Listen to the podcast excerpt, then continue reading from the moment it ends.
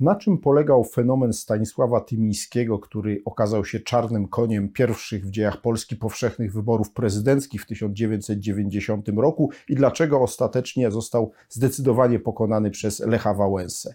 O tym w dzisiejszym programie z cyklu Dudego Historii.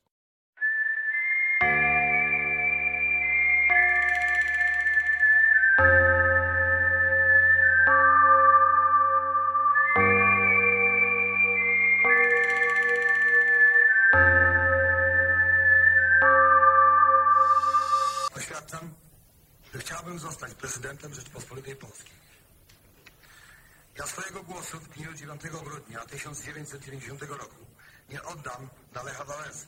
Lech Wałęsa w 1989 roku faktycznie dokonał podziału Solidarności. Polskie piekło może obecnie powstać przy użyciu wałęsowskiej siekiery i jego nieobliczalności. Zapewniam, że w przypadku wybrania mnie prezydentem cały naród uzyska większą dziejową szansę. Taką szansę uzyska każda polska rodzina, Również Wałęsa, który przecież nie z mojego powodu musiałby opuścić kraj, lecz z powodów, o jakich on sam dobrze wie.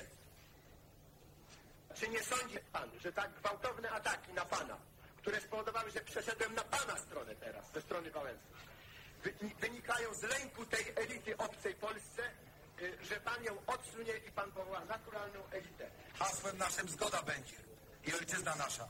Dziękuję za pytanie. Dziękuję za poparcie. W tej chwili jest potrzebne. Walczymy o niepodległość. Nomenklatura Solidarności to jest małe piwo w porównaniu z tym, co możemy zyskać, jeśli razem w zgodzie opracujemy poważny plan strategiczny, aby zostać prawdziwym mocarstwem. Mocarstwem, tak jak Polska była kiedyś w mapie Europy. I jest to możliwe chyba po raz pierwszy. Nie od kilkudziesięciu, ale od kilkuset lat. I ponieważ taka możliwość istnieje i zrozumiało to około 4 milionów ludzi 9 grudnia. Zrozumie to 10, 15, 20 milionów Polaków. Bo przecież tutaj chodzi o niepodległość. Mam dyspozycję, aby być prezydentem dla wszystkich Polaków, ponieważ mam poparcie całego kraju. We wrześniu 1990 roku, w konsekwencji wojny na górze, o której opowiadam, w innym z programów z cyklu Dudego Historii zmieniono konstytucję, wprowadzając po raz pierwszy w dziejach Polski powszechne wybory prezydenckie, a zarazem skracając kadencję prezydenta z 6 do 5 lat. Bardzo szybko rozpoczęła się kampania wyborcza. Aby zostać zarejestrowanym e, w tamtych wyborach, podobnie jak obecnie, trzeba było zebrać 100 tysięcy podpisów. Wtedy okazało się to potężnym problemem dla bardzo wielu kandydatów. Dość powiedzieć, że spośród kilkunastu kandydatów, a byli wśród nich ludzie już wtedy dość powszechnie znani, jak późniejszy weteran większości późniejszych kampanii prezydenckich Janusz Korwin-Mikke, czy lider Partii Wolności, a wcześniej Solidarności walczącej Kornel Morawiecki, Ostatecznie nie zdołali oni zebrać wymaganych 100 tysięcy podpisów i zarejestrować się w roli kandydatów. Zatem ostatecznie lista kandydatów była wyjątkowo krótka, jak na późniejsze wybory prezydenckie w Polsce i sprowadzała się do sześciu osób. Dość powszechnie wtedy uważano, że właściwie będzie to starcie tylko dwóch polityków: urzędującego premiera Tadeusza Mazowieckiego i przewodniczącego Solidarności Lecha Wałęsy. I to miała być rozgrywka między nimi dwoma. Pozostała czwórka kandydatów miała być już tylko tłem, e, i to tło tworzyli e, jako kandydat Y, socjaldemokracji Rzeczpospolitej Polskiej, czyli formacji postkomunistycznej wywodzącej się z PZPR Włodzimierz Cimoszewicz, jako kandydat Polskiego Stronnictwa Ludowego, a więc partii utworzonej na bazie dawnego Zjednoczonego Stronnictwa Ludowego Roman Bartoszcze, przy czym co ciekawe Bartoszcze E, nie był działaczem ZSL-u, wywodził się z Solidarności Rolniczej, ale został, można powiedzieć, wraz z maleńkim PSL-em, który własnym, który tworzył w 1989 roku, został wchłonięty przez ZSL, który bardzo się chciał uwiarygodnić przed e, rolnikami, przedstawić jako spadkobierca dawnego PSL-u z e, Mikołajczykowskiego, w związku z tym ściągał do siebie różnych działaczy właśnie chłopskiej opozycji, w tym Bartoszcze, więc Bartoszcze występował tu w roli, można powiedzieć, listka figowego, e, ale bardzo skutecznego, jak się patrzy na jego ostateczny wynik. E, dalej kandydat Konfederacji Polski Niepodległej e, Leszek Moczulski, był jedynym właściwie z polityków tych partii, powiedziałbym, niesolidarnościowych, który zdołał się zarejestrować. To był wielki sukces organizacyjny Konfederacji Polski Niepodległej. No i wreszcie na końcu główny bohater dzisiejszego e, odcinka, Stanisław Tymiński, którego nikt nie traktował poważnie, bo tak naprawdę nikt nie wiedział, kim jest Stanisław Tymiński. Stanisław Tymiński był człowiekiem, który przyjechał bowiem do Polski z Kanady e, dosłownie we wrześniu e, roku 90, kiedy dowiedział się, że będą w Polsce wybory prezydenckie. Wyjechał z Polski jeszcze w latach 70. jako młody chłopak. Bardzo wielu wtedy ludzi e, e, podążało tą drogą, no, nie mogąc sobie znaleźć miejsca w rządzonej przez komunistów Polsce, wjeżdżało na zachód. Tymiński trafił daleko, e, bo aż do Peru i najpierw prowadził interesy w Peru, później w Kanadzie, zrobił tam całkiem spore pieniądze, zajmując się między innymi informatyką. W każdym razie był człowiekiem dość zamożnym i przyjechał, mówiąc wprost, e, z własnymi pieniędzmi na kampanię. No ale ponieważ był kompletnie nieznany, to wynajął e, agencję reklamową Golik Dąbrowski, e, która zajęła się zbieraniem podpisów. Równolegle zlecił jednemu z dziennikarzy napisanie programowej książki pod tytułem Święte Psy, która miała być jego programem wyborczym.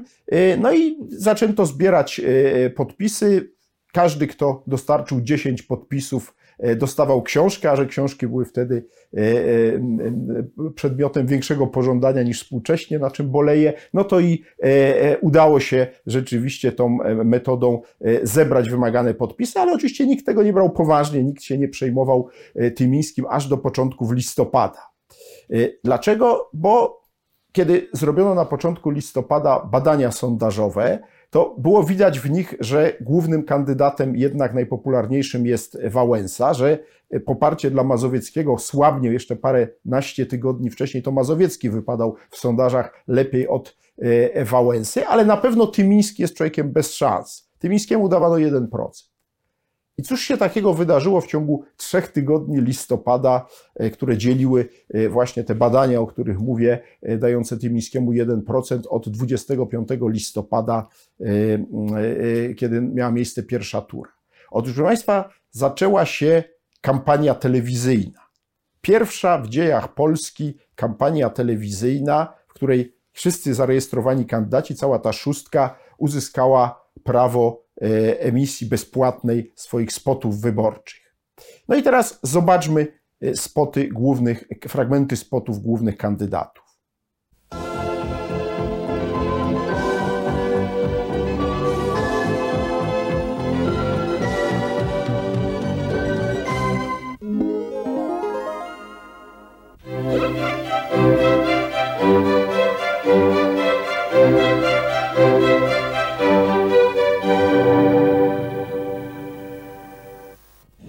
Sobie cenię polityczny rozum kobiet.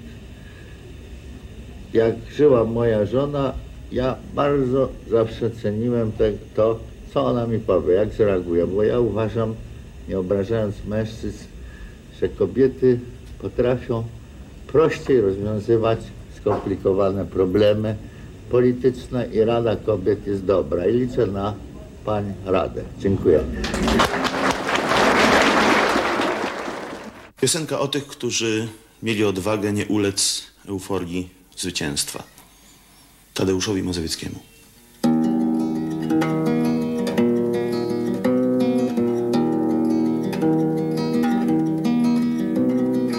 On natchniony i młody był, ich nie policzyłby nikt.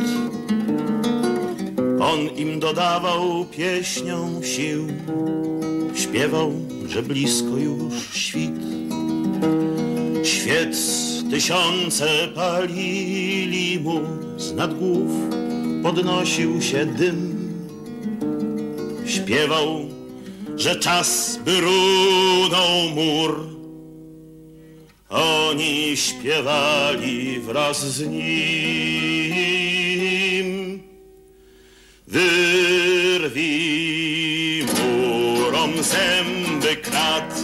Zerwij kajdany, połam bat, a mury runą, runą, runą i pogrzebią stary świat. Wyrwij murom zęby krat, zerwij kajdany, połam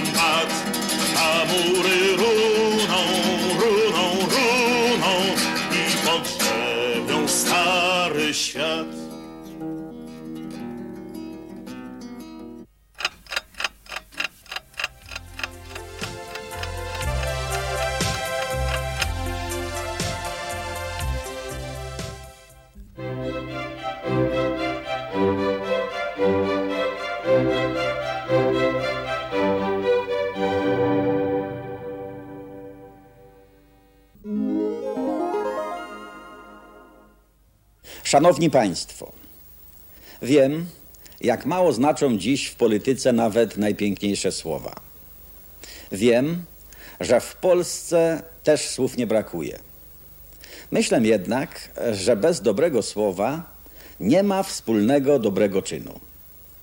Przez ostatni miesiąc rozmawiałem z Polską.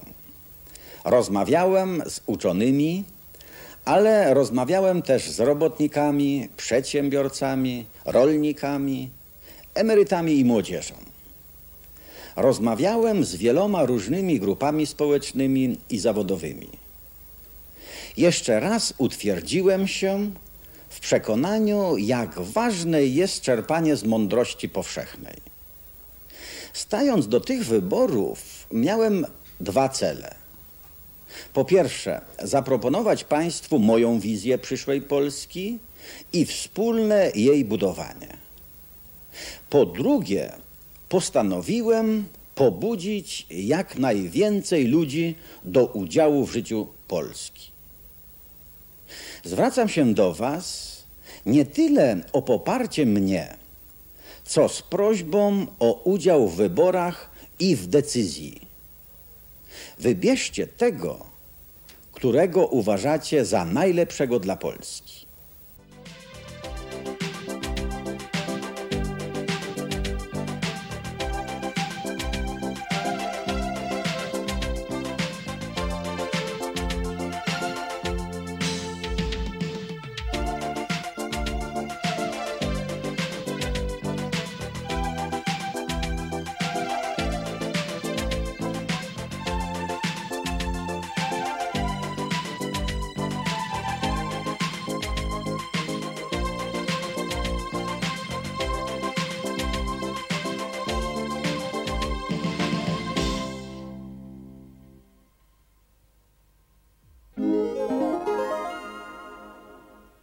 I nie wierzmy w powiedzenia te, które słyszymy w telewizji, że, proszę pana, jest to człowiek, y, który spowodował, że euforia nas opanowała, że jesteśmy, czekamy na dolary Zachodu. Absolutnie to jest nieprawdą. My chcemy autentycznie pracować, czuć się Polakami i żebyśmy nie musieli żebrać na Zachodzie, proszę pana, o czarną robotę.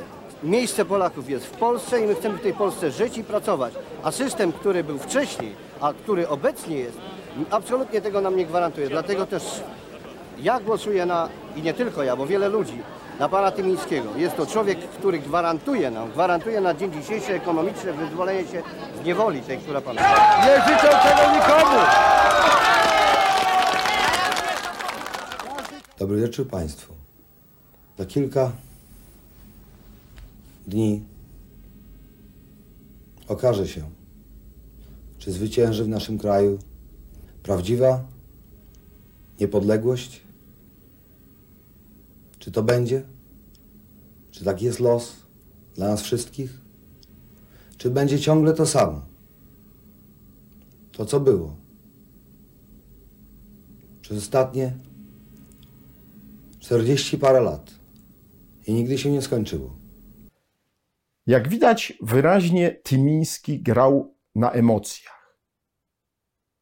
Tymiński grał na emocjach y, ludzi, którzy mieli poczucie zagubienia związanego z transformacją gospodarki, którzy się czuli skrzywdzeni planem Balcerowicza, y, którzy uważali, że zostali oszukani najpierw przez komunistów, a teraz przez Solidarność. Tymiński był mistrzem w podsycaniu emocji, choć tak naprawdę jego hasła były kompletnie ogólnikowe. To główne hasło brzmiało: Hasłem naszym jedność będzie i ojczyzna nasza. no, można powiedzieć, to jest absurd. Jak można coś takiego traktować poważnie? A jednak całkiem pokaźna grupa ludzi wierzyła w Tymińskiego. Dlaczego? Bo on był spoza układów politycznych. Tymiński reprezentował, prezentował się nie jako kandydat którejkolwiek z formacji politycznych, tylko jako człowiek sukcesu z Zachodu. Jego przekaz był taki oto. Ja znam Zachód, znam kapitalizm, odniosłem tam sukces, jestem bogaty.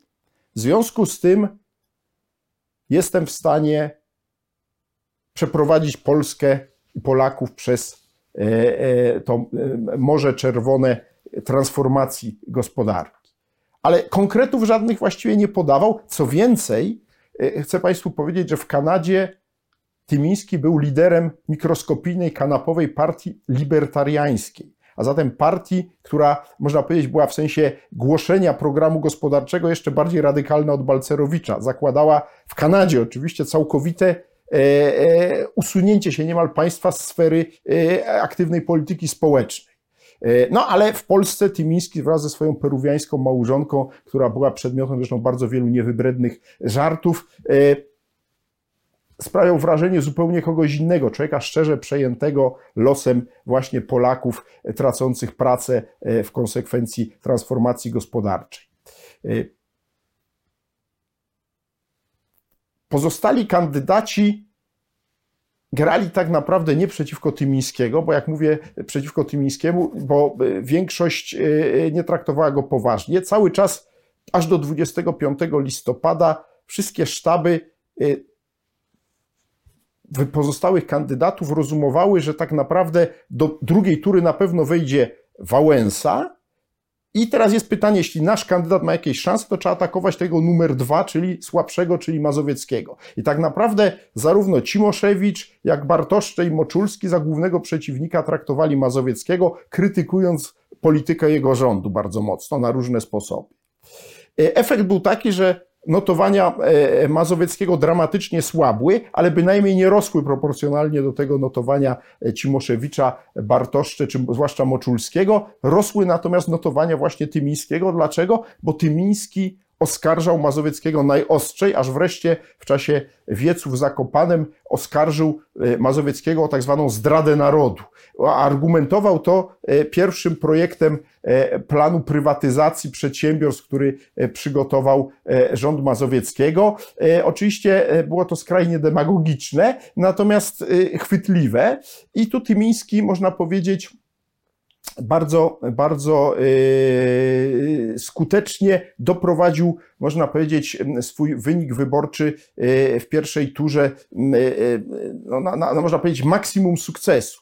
Dlaczego? No proszę Państwa, także i dlatego, że ta, ten przekaz telewizyjny był skuteczny, bo Tymińskiemu brakowało sztabów wyborczych. Najlepszym dowodem na skuteczność tego przekazu telewizyjnego jest choćby województwo pilskie. Otóż w województwie pilskim Tymiński uzyskał najlepszy w pierwszej turze z wszystkich kandydatów, nawet lepszy od Wałęsy wynik, chociaż nie było w województwie pilskim nie tylko sztabu e, wyborczego Tymińskiego, nie było tam nawet e, jednego plakatu z Tymińskim, bo nie miał go kto rozwieść. Jedyne, co do województwa pilskiego i jego mieszkańców docierało, to owe bezpłatne programy telewizyjne. Zatem wtedy po raz pierwszy na tak gigantyczną skalę ujawniła się w Polsce siła telewizji jako mechanizmu oddziaływania na świadomość, co tu kryć słabo wyrobionych e, politycznie wyborców, którzy pokładali w tym niskim zupełnie irracjonalną nadzieję, e, która nie mogła się e, przecież zrealizować. Wynik pierwszej tury wyborów był szokiem, co można zobaczyć na materiale filmowym. Ile procent głosów uzyskał Tadeusz Mazowiecki? Tadeusz Mazowiecki uzyskał 20,5%. Stanisław Tymiński również 20, telewizja dąży do tego, aby pasy sportowe. Niemniej wydaje mi się, że Tadeusz Mazowiecki niewątpliwie przejdzie do drugiej rundy. Jednak fakt, że Stanisław Tymiński zdobył taką ilość głosów jest y, niepokojący. I ja myślę, że opamiętanie przyjdzie następnego dnia po wyborach i walka rozegra się pomiędzy kandydatami Solidarności, przy czym jestem przekonany, że to Tadeusz Mazowiecki. Proszę spojrzeć na wyniki. Lech Wałęsa 39,1 oddanych głosów odliczonych w komisjach. 20% Tadeusz Mazowiecki. 23,4% Stanisław Tymiński. Dalsi trzej kandydaci. 6% Roman Bartoszczak, Włodzimierz Cimoszewicz 9%, Leszek Moczulski 2,4%. To grozą wieje, no. Po prostu dla mnie to plucie w twarz narodowi, no po prostu. No ktoś mi napluł w twarz, ale pan Tymiński jest równoznacznie idzie z panem Mazowieckim, no na miłość boską, no.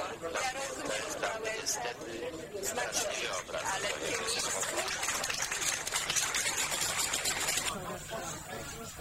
Na miłość boską okno otwórzcie dwie, dwa skrzydła. Co?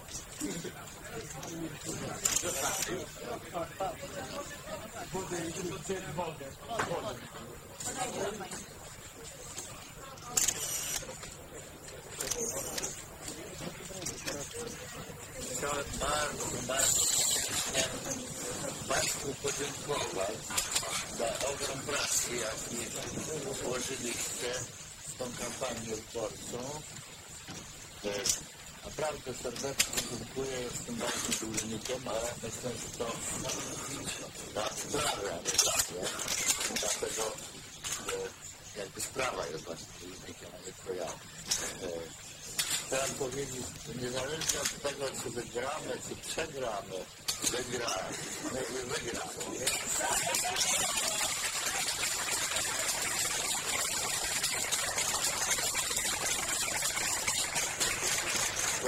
Tworzymy wielki obóz demokratyczny w Polsce.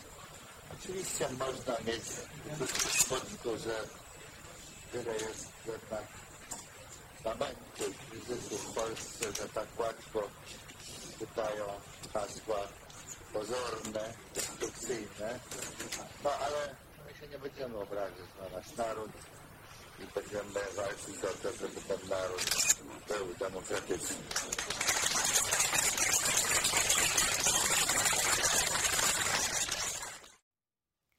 Między pierwszą a drugą turą, tak jak i dzisiaj, e, były dwa tygodnie e, i te dwa tygodnie zamieniły się, można powiedzieć, jakbyśmy to dzisiaj powiedzieli, w falę hejtu przeciwko Tymińskiemu. Cała właściwie klasa polityczna była przerażona sukcesem Tymińskiego i zdecydowała się na jego atak. W kilka lat później dwóch prasoznawców a przypominam, to była epoka, kiedy jeszcze ciągle bardzo ważną rolę odgrywała prasa papierowa, przeprowadziła analizę, jakimi epitetami w prasie różnych orientacji, bo przecież to jest już moment, kiedy rynek prasowy się spluralizował, określano Tymińskiemu. Zobaczmy na planszy e, wykaz fragmentów tych epitetów, które można było na temat Tymińskiego znaleźć. Agencia KGB.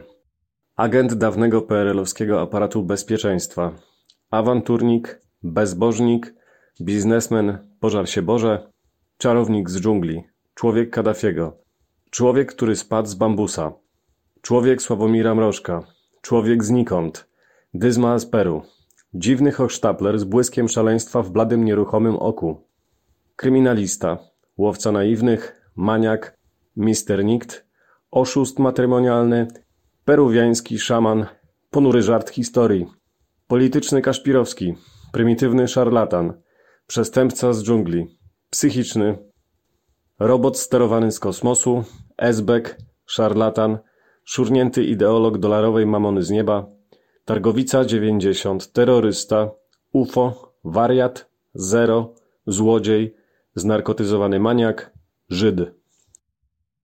Tymiński został też bardzo ostro zaatakowany przez jedyną wtedy działającą telewizję, czyli TVP. Wyemitowano mianowicie reportaż, w którym e, e, oskarżano Tymińskiego o to, że dopuszcza się przemocy domowej, że bije ponoć swoją żonę Graciellę, że głodzi swoje dzieci. Tymiński później wytoczył TVP proces, wygrał ten proces, ale jak wiemy, było to już długo po wyborach prezydenckich i nie miało żadnego znaczenia dla ich wyniku. Czy to znaczy, że Tymiński został skrzywdzony przez polską klasę polityczną? Tak, zdecydowanie tak. Uważam, że narodziny powiedziałem, politycznego hejtu, to jest właśnie kampania prezydencka w roku 90. Mało tego, trzeba powiedzieć jasno, że Tymiński został też po raz pierwszy, był pierwszym polskim politykiem zaatakowanym przy pomocy teczki.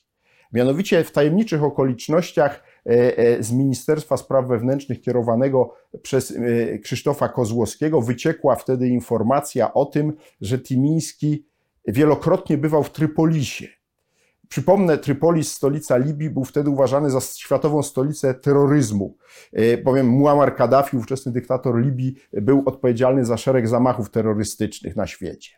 Później się okazało, że Tymiński nigdy w Libii i w Trypolisie nie był i rzekomo komputer w Ministerstwie Spraw Wewnętrznych miał się pomylić i pomylić Trypolis z Toronto.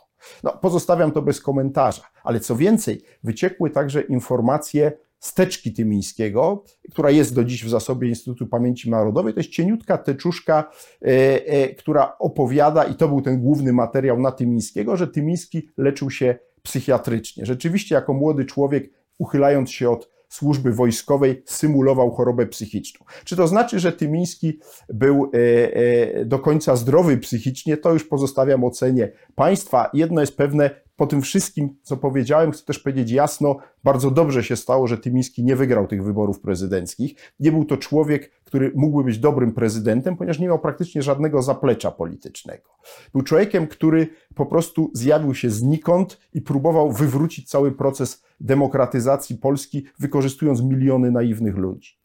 E, jak bardzo duże emocje budził Tymiński, pokazała jedyna jego można powiedzieć, bezpośrednia konfrontacja z Wałęsą. Otóż nie miała ona charakteru debaty prezydenckiej, jakie znamy e, z późniejszego okresu, poczynając z roku 95, bo do takiej debaty ostatecznie nie doszło. Dlaczego nie doszło? Nie doszło za sprawą konferencji prasowej, wspólnej konferencji prasowej Wałęsy i Tymińskiego, która odbyła się w przeddzień planowanej bezpośredniej debaty ich obu. Obejrzyjmy fragment tej konferencji prasowej. Ja chciałem zadać panu Tymińskiemu pytanie, które może jest nie tylko moim pytaniem. Co pana upoważnia, że mając już ponad 40 lat, a w dorobku jedynie pewien stopień zamożności materialnej, ośmiela się pan kandydować do urzędu prezydenta Rzeczpospolitej Polskiej?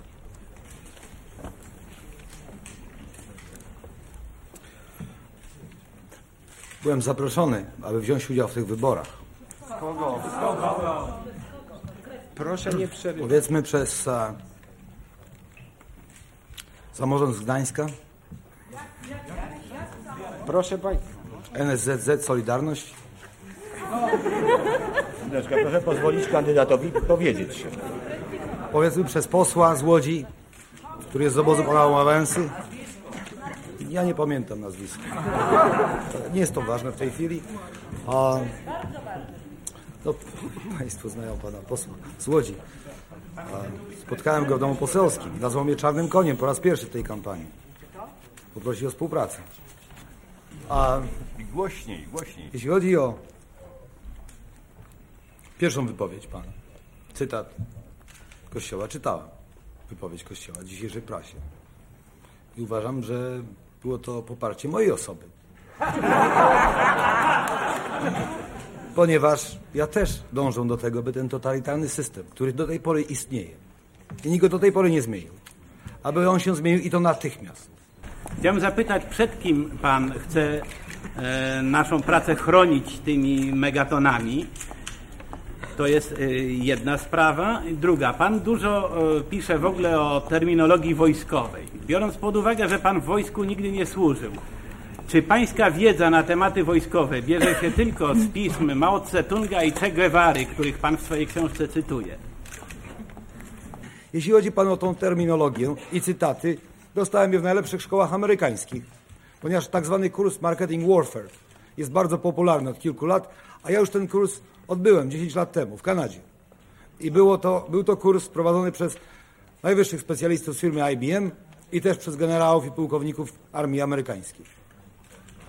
Chciałam pana zapytać, czy pan uważa, że jest rozważnie powierzyć człowiekowi, którego nikt nie zna w kraju, który nie potrafi wymienić żadnych osób w Polsce godnych osób publicznego zaufania, y, które mogą potwierdzić, kim on jest, przedsiębiorstwo z bronią jądrową. Czy pan nie uważa, że pan tu czegoś nadużywa? Proszę pana, przecież pan się przyznaje do pewnych doświadczeń narkotycznych w dżungli.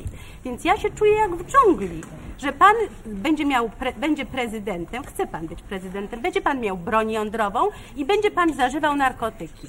Ja nie, wie, ja nie wiem, że tak będzie, ale może tak być. A pan Jerzy Gralak jest pana mężem zaufania w Państwowej Komisji Wyborczej i jest on podpułkownikiem Służby Bezpieczeństwa i był zastępcą komendanta Urzędu Dzielnicowego Warszawa Ochota. I taka jest różnica, a ja na Ochocie mieszkałem. I to jest wszystko. Dziękuję panu bardzo.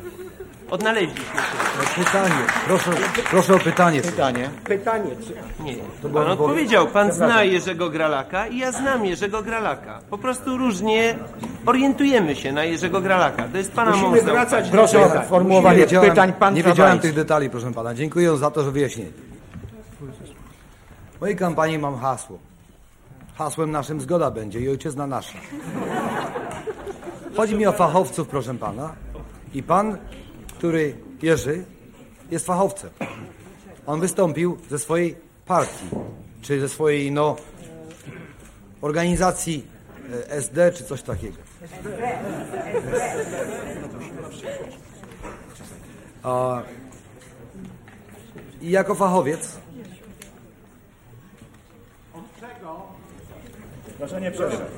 w tej chwili jest reprezentantem, jeśli chodzi o sprawę komisji wyborczej. I w ogóle się tego nie wstydzę. Nie wiedziałem tych szczegółów, które pan powiedział, ale to nie zmienia sytuacji, że jest reprezentantem i nie mam zamiaru tej sytuacji zmienić.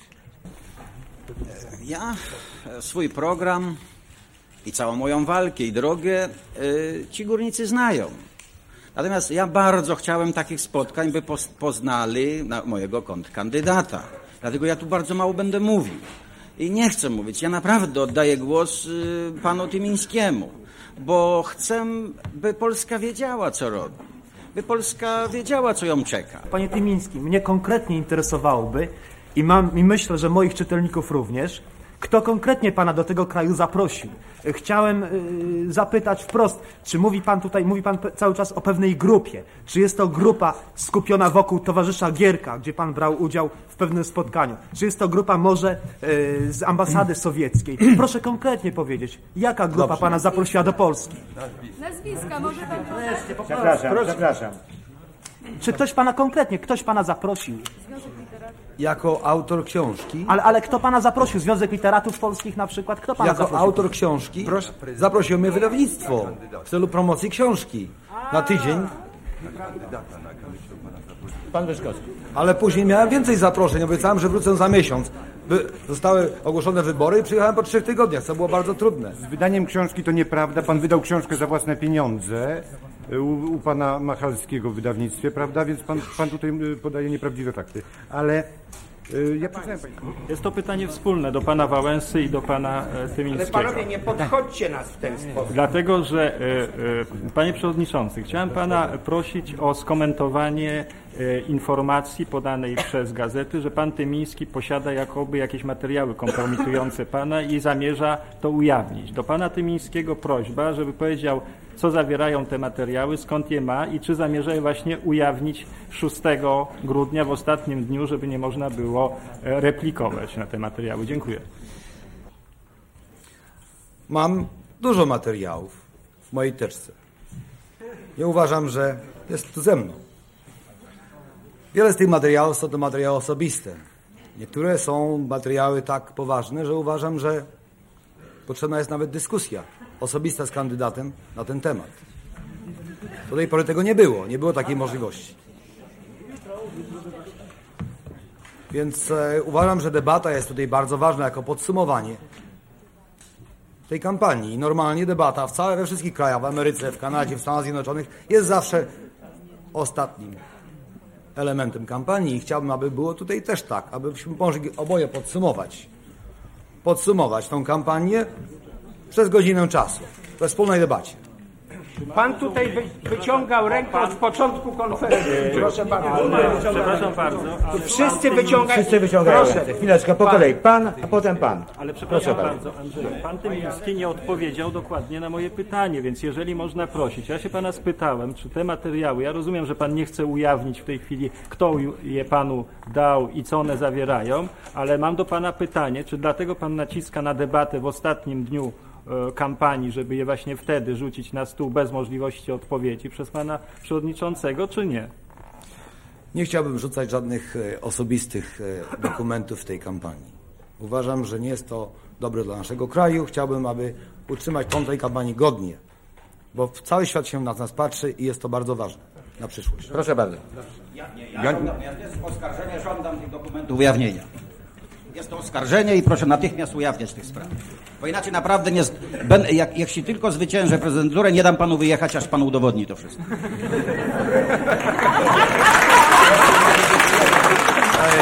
Panie, panie Wałęsa, y, może porozmawiamy prywatnie po... Nie, nie mam takiej, nie ma możliwości. Pan oskarżył i proszę dowody. Inaczej pan nie wyjedzie z tego kraju. Oczywiście, ja nie wyjadę. Proszę o spokój. Nie wyjadę z kraju, tak. Dobrze, ja już podjąłem decyzję Proszę. dawno temu. Proszę państwa, pan. Ale pan mi nie odpowiedział.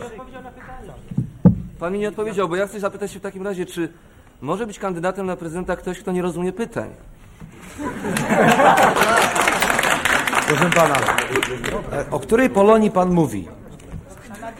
O której? Bo Polonia nie W jest Toronto jednolita. dostał pan 1%. proszę Mówi pan o organizacjach polonijnych? Dziękuję panu uprzejmie. Uważam, że mamy ma- moralny obowiązek spłacić te długi i możemy to zrobić bardzo szybko. Ale chodzi o to, że w naszym kraju jest taki zwyczaj, jak się pożyczy pół filiżanki cukru, to się oddaje natychmiastowo. Także te długi też oddamy. Proszę pana, ja, ja, Przepraszam czy, bardzo. Czy ja mogę panu zacytować książkę? Żądanie spłat tego zadłużenia jest nawet niemoralne. To pan pisze, z Samselem zresztą. Ja panu powiedziałem, jak jest. To są moje słowa, proszę pana, nie są słowa pana Samcela. No tak. A teraz pan mówi, że to można szybko spłacić, więc naprawdę jest to do Tak, wyjaśnienia. można. Bo w tej chwili jest wielkie zrozumienie, że w tej chwili można zmienić system podatkowy w Polsce, czego nie było przez 40 parę lat. Tymiński po tej debacie czuł się na tyle zmiażdżony, że przestał już wierzyć nawet swoją legendarną czarną teczkę, którą widzieliśmy przed chwilą. W tej walizeczce Tymiński miał przechowywać rzekomo, co sugerował, materiały kompromitujące Lecha Wałęsy. Tu oczywiście chodziło o sprawę TW Bolka. E, Czy Tymiński miał rzeczywiście wtedy te dokumenty, tego nie wiemy. Natomiast wiemy, że w sztabie Tymińskiego byli ludzie e, do niedawna pr- pracujący w służbie bezpieczeństwa. Można zatem przypuszczać, że jeśli nawet nie dostarczyli kopii niektórych dokumentów dotyczących TW Bolka e, Tymińskiemu, to dostarczyli mu informacje na ten temat i Tymiński właśnie, e, właśnie próbował, e, próbował e, sugerując Wałęsie e, przeszłość agenturalną, no, osłabić jego szanse. Tymiński między pierwszą a drugą turą, widząc, że jego kampania ulega załamaniu, chwytał się coraz bardziej desperackich kroków. A to pojechał na Jasną Górę e, pomodlić się, a później oświadczył, że jest kandydatorem, kandydatem Kościoła, co wywołało gniewną reakcję prymasa Glempa, e, który mówił, że Kościół nie popiera tu, popiera tego kandydata, który jest wierny, że tak powiem, ideałom, czy, czy wierny katolicyzmowi. No więc oczywiście Tymiński powiedział, że on jest wierny katolicyzmowi, na co prymas Glemp oczywiście znowu ripostował, że oczywiście jest to e, ze strony Tymińskiego nadużycie, bo w istocie rzeczy Kościół popiera kandydaturę Wałęsy, choć nie powiedział tego wprost, ale taki był sens wypowiedzi, wypowiedzi prymasa Glempa. No i wreszcie e, Tymiński, zastanawiając się, kogo może pozyskać, stwierdził, że największą szansą dla niego jest e, elektorat postkomunistyczny i dlatego e, w czasie konferencji prasowej innej niż ta, którą widzieliśmy przed chwilą, na pytanie o to, jak ocenia swojego poprzednika, czy potencjalnego poprzednika na urzędzie prezydenta, czyli generała Wojciecha Jaruzelskiego, udzielił następującej odpowiedzi. Telewizja BBC. Czy mógłby Pan w sposób jednoznaczny określić swój stosunek do Solidarności jako do formacji opozycyjnej wobec komunizmu przez ubiegłe 10 lat?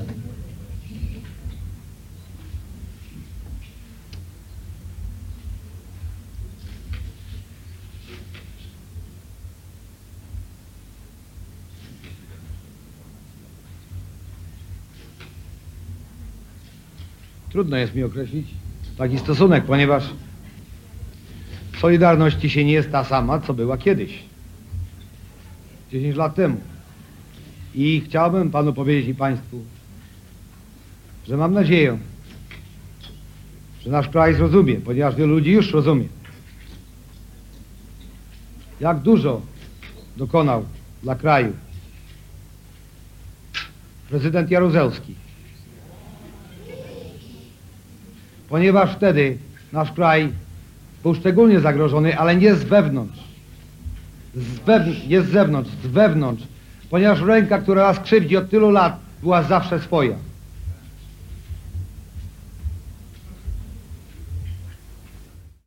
Ta odpowiedź znakomicie pokazuje mętny, mętność wywodów Tymińskiego e, e, i w istocie rzeczy e, no, mówi nam, czym groziła jego prezydentura.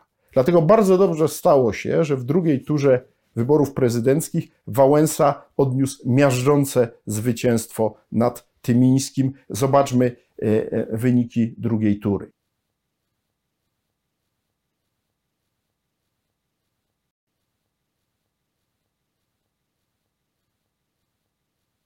Tymiński próbował jeszcze po y, wyborach prezydenckich pozostać w polskiej polityce. Powołał partię X. O losach partii X opowiadam w odcinku o narodzinach demokracji w 1991 roku, o, e, czyli pierwszych wyborach całkowicie demokratycznych do Sejmu i tam e, odsyłam wszystkich zainteresowanych. Tu natomiast chcę powiedzieć o jeszcze e, pierwszych ruchach nowego prezydenta Lecha Wałęsy, który bardzo wyraźnie wygrał jednak w drugiej turze. Dlaczego? Bo tak naprawdę uzyskał poparcie wszystkich pozostałych kandydatów z wyjątkiem Cimoszewicza, który również nie poparł Tymińskiego. Cimoszewicz był jedynym z tych, którzy odpadli w pierwszej turze, którzy powiedzieli, że pozostawia e, swoim zwolennikom decyzję, czy zostać w domu, czy głosować na któregoś z dwóch kandydatów. Natomiast zarówno Bartoszcze, jak i Moczulski oraz przede wszystkim, co najważniejsze, Tadeusz Mazowiecki udzielili poparcia e, e, Wałęsie. Nie zmienia to jednak faktu, że wybory prezydenckie w roku 90 były jedynymi wyborami prezydenckimi w dziejach Polski, w których w drugiej turze frekwencja była nieco niższa niż w pierwszej. Zobaczmy porównanie frekwencji w pierwszej i w drugiej turze. Mało tego, spójrzmy teraz na wynik liczbowy uzyskany przez Tymińskiego w pierwszej turze i w drugiej turze. Widać wyraźnie, że w liczbach bezwzględnych w drugiej turze na Tymińskiego głosowało mniej niż w pierwszej turze. To pokazywało, powiedziałbym, skalę skuteczności tej kampanii wymierzonej w Tymińskiego między pierwszą a drugą turą, można powiedzieć skalę otrzeźwienia części Polaków, ale zarazem e, pokazało też e, e, to, że ciągle bardzo wielu Polaków jest przekonanych, że można przejść od realnego socjalizmu do demokracji parlamentarnej, do gospodarki wolnorynkowej suchą stopą i dlatego mapa poparcia Polski, którą teraz Państwo widzicie, mapa poparcia e, dla Tymińskiego w drugiej turze wyborów, e, pokazuje nam też skalę polskiej frustracji. Te regiony, gdzie Tymińskiego popierano najbardziej, były zarazem tymi regionami, gdzie, można powiedzieć, niezadowolenie z transformacji e, gospodarczej Polski było największe. I z tym problemem musiał się zmagać jako prezydent elekt Lech Wałęsa,